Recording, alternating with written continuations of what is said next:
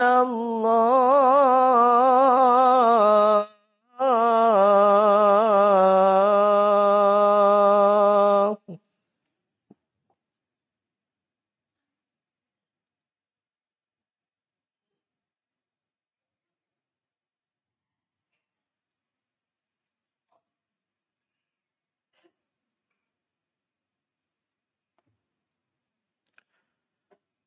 إن الحمد لله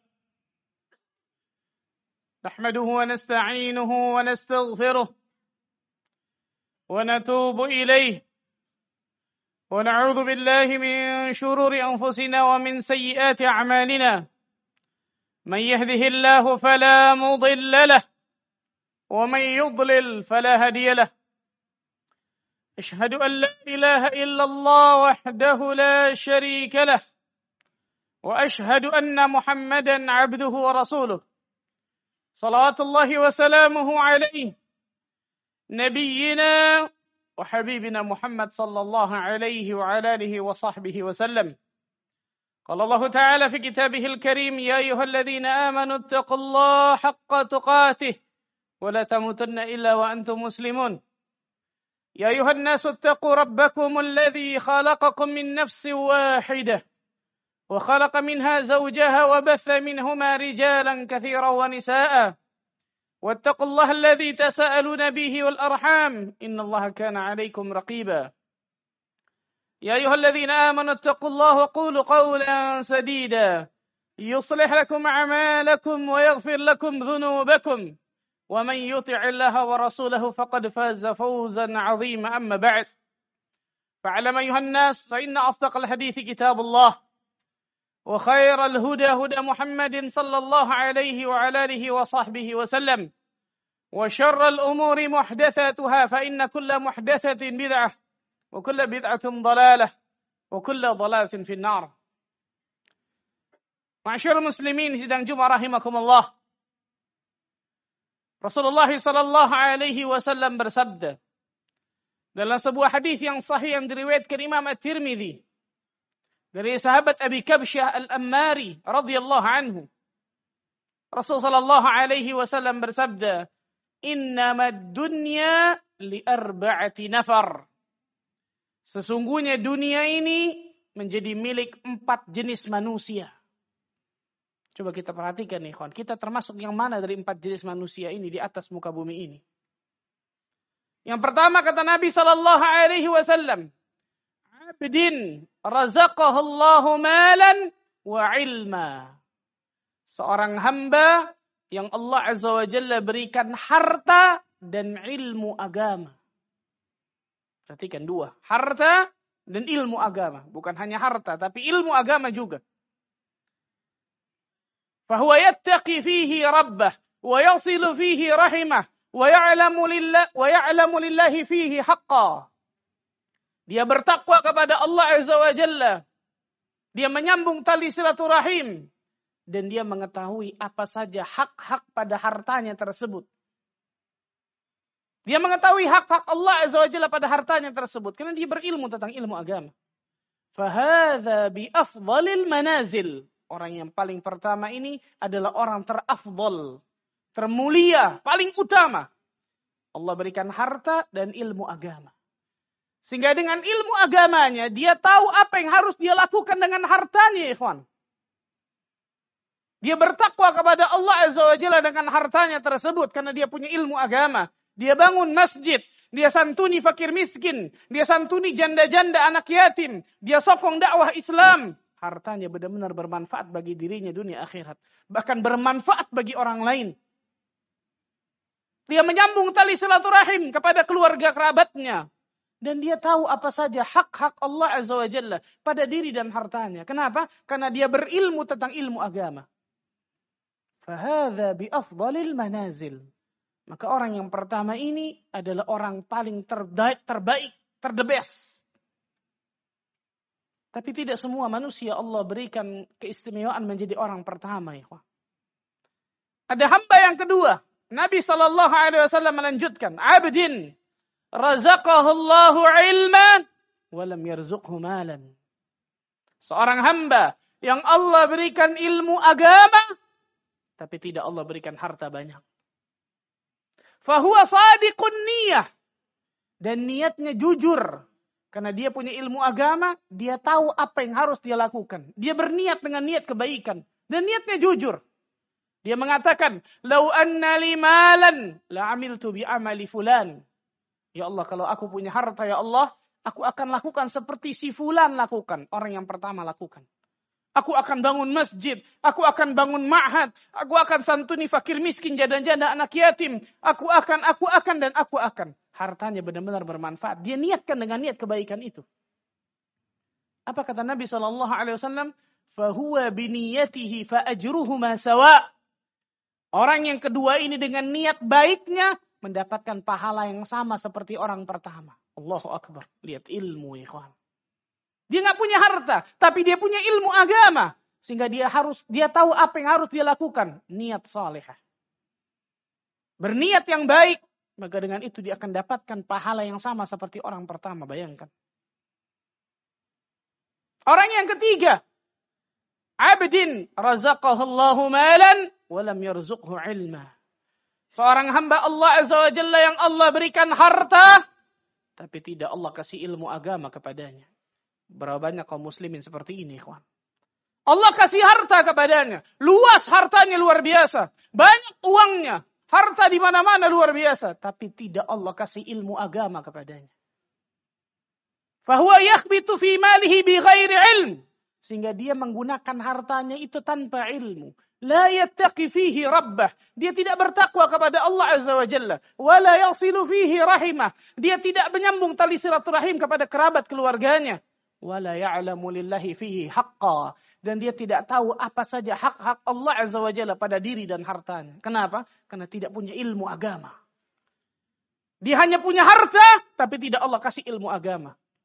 Perhatikan ikhwan. Orang-orang yang mencari harta dunia, dari pagi, siang, sore, malam, bahkan sampai pagi lagi. Tapi tidak pernah mementingkan tentang ilmu agamanya. Perhatikan orang yang ketiga ini.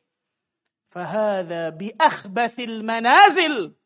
Maka orang ketiga ini kata Nabi Shallallahu Alaihi Wasallam menjadi orang terburuk. Bayangkan orang terburuk, ikhwan.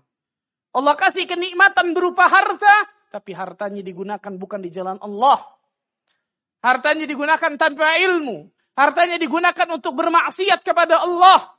Hartanya digunakan untuk kedurhakaan kepada Rabbul Alamin. Perhatikan ikhwan, subhanallah. Jadi bukan harta yang menjadikan kita bahagia dunia dan akhirat. Sama sekali tidak. Perhatikan orang ketiga ini. Allah kasih harta kepadanya. Berlimpah hartanya. Tapi Allah nggak berikan ilmu agama kepadanya. Allah nggak berikan taufik hidayah kepadanya. Untuk dia bisa nuntut ilmu agama dan memahami ilmu agama sehingga menjadi akhbathil manazil. Menjadi orang terburuk kata Nabi Shallallahu Alaihi Wasallam. Kenapa? Karena Allah berikan kenikmatan, ternyata kenikmatan itu digunakan untuk kedurhakaan kepada Rabbul Alamin. Dan orang yang keempat, abdin lam yarzuqhu malan wala ilma. Seorang hamba yang Allah tidak kasih harta dan Allah tidak kasih ilmu. Dan niatnya buruk. Dia mengatakan lau anna limalan la amiltu bi amali fulan. Dia melihat orang ketiga kemudian mengatakan ya Allah, kalau aku punya harta ya Allah, aku akan lakukan seperti orang ketiga itu lakukan. Maksiat, dosa, durhaka kepada Allah, jalan-jalan keliling dunia, minum khamar, berzina dan seterusnya. Enak itu luar biasa tuh. Niatnya buruk bayangkan. Apa kata Nabi Shallallahu Alaihi Wasallam? Fahuwa biniyatihi fawizruha sawa. Orang keempat ini dengan niat buruknya mendapatkan dosa yang sama seperti orang ketiga. Tidak Allah kasih harta, tidak Allah kasih ilmu agama. Na'udzubillah min dzalik. Lihat diri kita masing-masing, ikhwan. Betapa banyak diri kita masih mementingkan duniawi ketimbang ukhrawi. Masih mementingkan tentang masalah harta daripada Allah dan Rasulnya. Contoh real, contoh sangat mudah. Diminta seminggu sekali untuk sholat Jumat. Datang pun telat. Seminggu sekali, ikhwan. Datang pun telat. Fala haula wala quwata illa billah. Seakan-akan singa sholat selesai. Ini hak Allah tabaraka wa ta'ala ikhwan yang wajib kita penuhi. Wa ma khalaqtul jinna wal insa illa liya'budun. Dan tidaklah aku ciptakan jin dan manusia kecuali untuk beribadah kepada diriku. Coba kaca diri kita. Kita dihidupkan di atas muka bumi ini bukan untuk beli apartemen, rumah mewah dan seterusnya untuk beribadah kepada Allah tabaraka wa taala. Apakah ibadah itu sudah benar kita lakukan? Fa'tabiru ya ulil absar. Coba fikirkan wahai orang-orang yang menggunakan akal fikirannya. بارك الله لي وكم في القرآن العظيم أقول قولي هذا أستغفر الله لي ولكم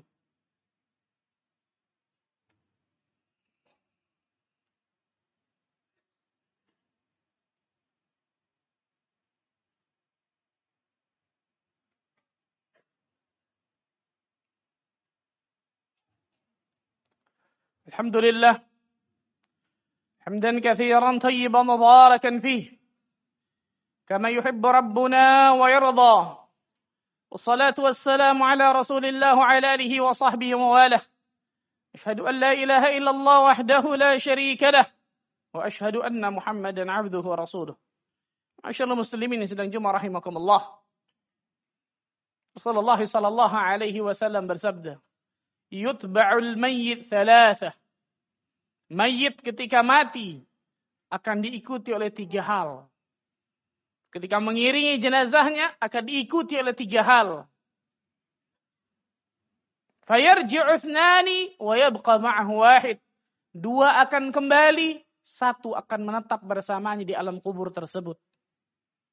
Apa tiga hal tersebut? Ahluhu, maluhu, wa amaluhu.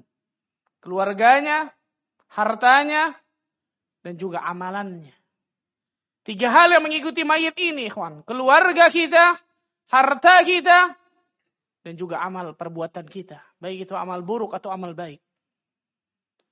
Fayarji'u ahluhu wa maluhu. Yang kembali adalah harta dan keluarga kita. Keluarga yang sangat mencintai kita. Tidak akan pernah mungkin menemani kita dalam alam kubur, ya Harta yang kita kumpulkan dari pagi sampai ketemu pagi lagi. Gak akan pernah mungkin kita masukkan ke alam kubur. Mobil mewah sport yang kita miliki mungkin miliaran rupiah. Mungkin hanya terparkir di depan pintu area pekuburan. Rumah mewah yang kita miliki dan harganya luar biasa. Nggak mungkin kita masukkan alam kubur, ikhwan. Dan tetap akan bersamanya dalam alam kubur tersebut adalah amalnya. Amalannya. Baik itu amal saleh atau amal taleh, amal buruk. Perhatikan ikhwan. Amal saleh atau amal taleh. Dan kita yang memilihnya. Kita yang memilihnya mau ditemani oleh amal saleh kita di alam kubur. Atau mau ditemani amal keburukan kita di alam kubur. Kita yang milih, bukan orang lain ikhwan. Kita yang memilihnya. Pernahkah kita berpikir tentang malam pertama di alam kubur. Yang sangat gelap dan sempit. Sebesar apa pun rumah kita di atas muka bumi ini kembalinya ke situ ikhwan. Satu kali dua, selesai. Siapa pun diri kita. Apa pun pangkat jabatan kita. Berapapun harta kekayaan kita. Balik ke situ ikhwan. Alam kubur. Amaluhu. Dan yang akan menemaninya sampai hari berbangkit adalah amalannya ikhwan. Ketika amalan tersebut amal yang saleh. Maka Allah Azza wa Jalla akan wujudkan seperti seseorang yang sangat tampan wajahnya. Memakai wangi, memakai baju yang sangat indah. Mengeluarkan wangi yang sangat wangi. Sehingga orang itu akan bertanya, mana anta? Siapa engkau? Wajahmu sangat mengeluarkan kebaikan. Ana amaluka salih. Aku adalah amal salihmu. Dan ketika amal itu amal buruk, dosa, kedurhakan kepada Allah. Maka Allah Azza wa Jalla akan wujudkan amal tersebut seseorang yang buruk rupanya. Memakai baju yang sangat jelek. Mengeluarkan bau busuk yang sangat busuk.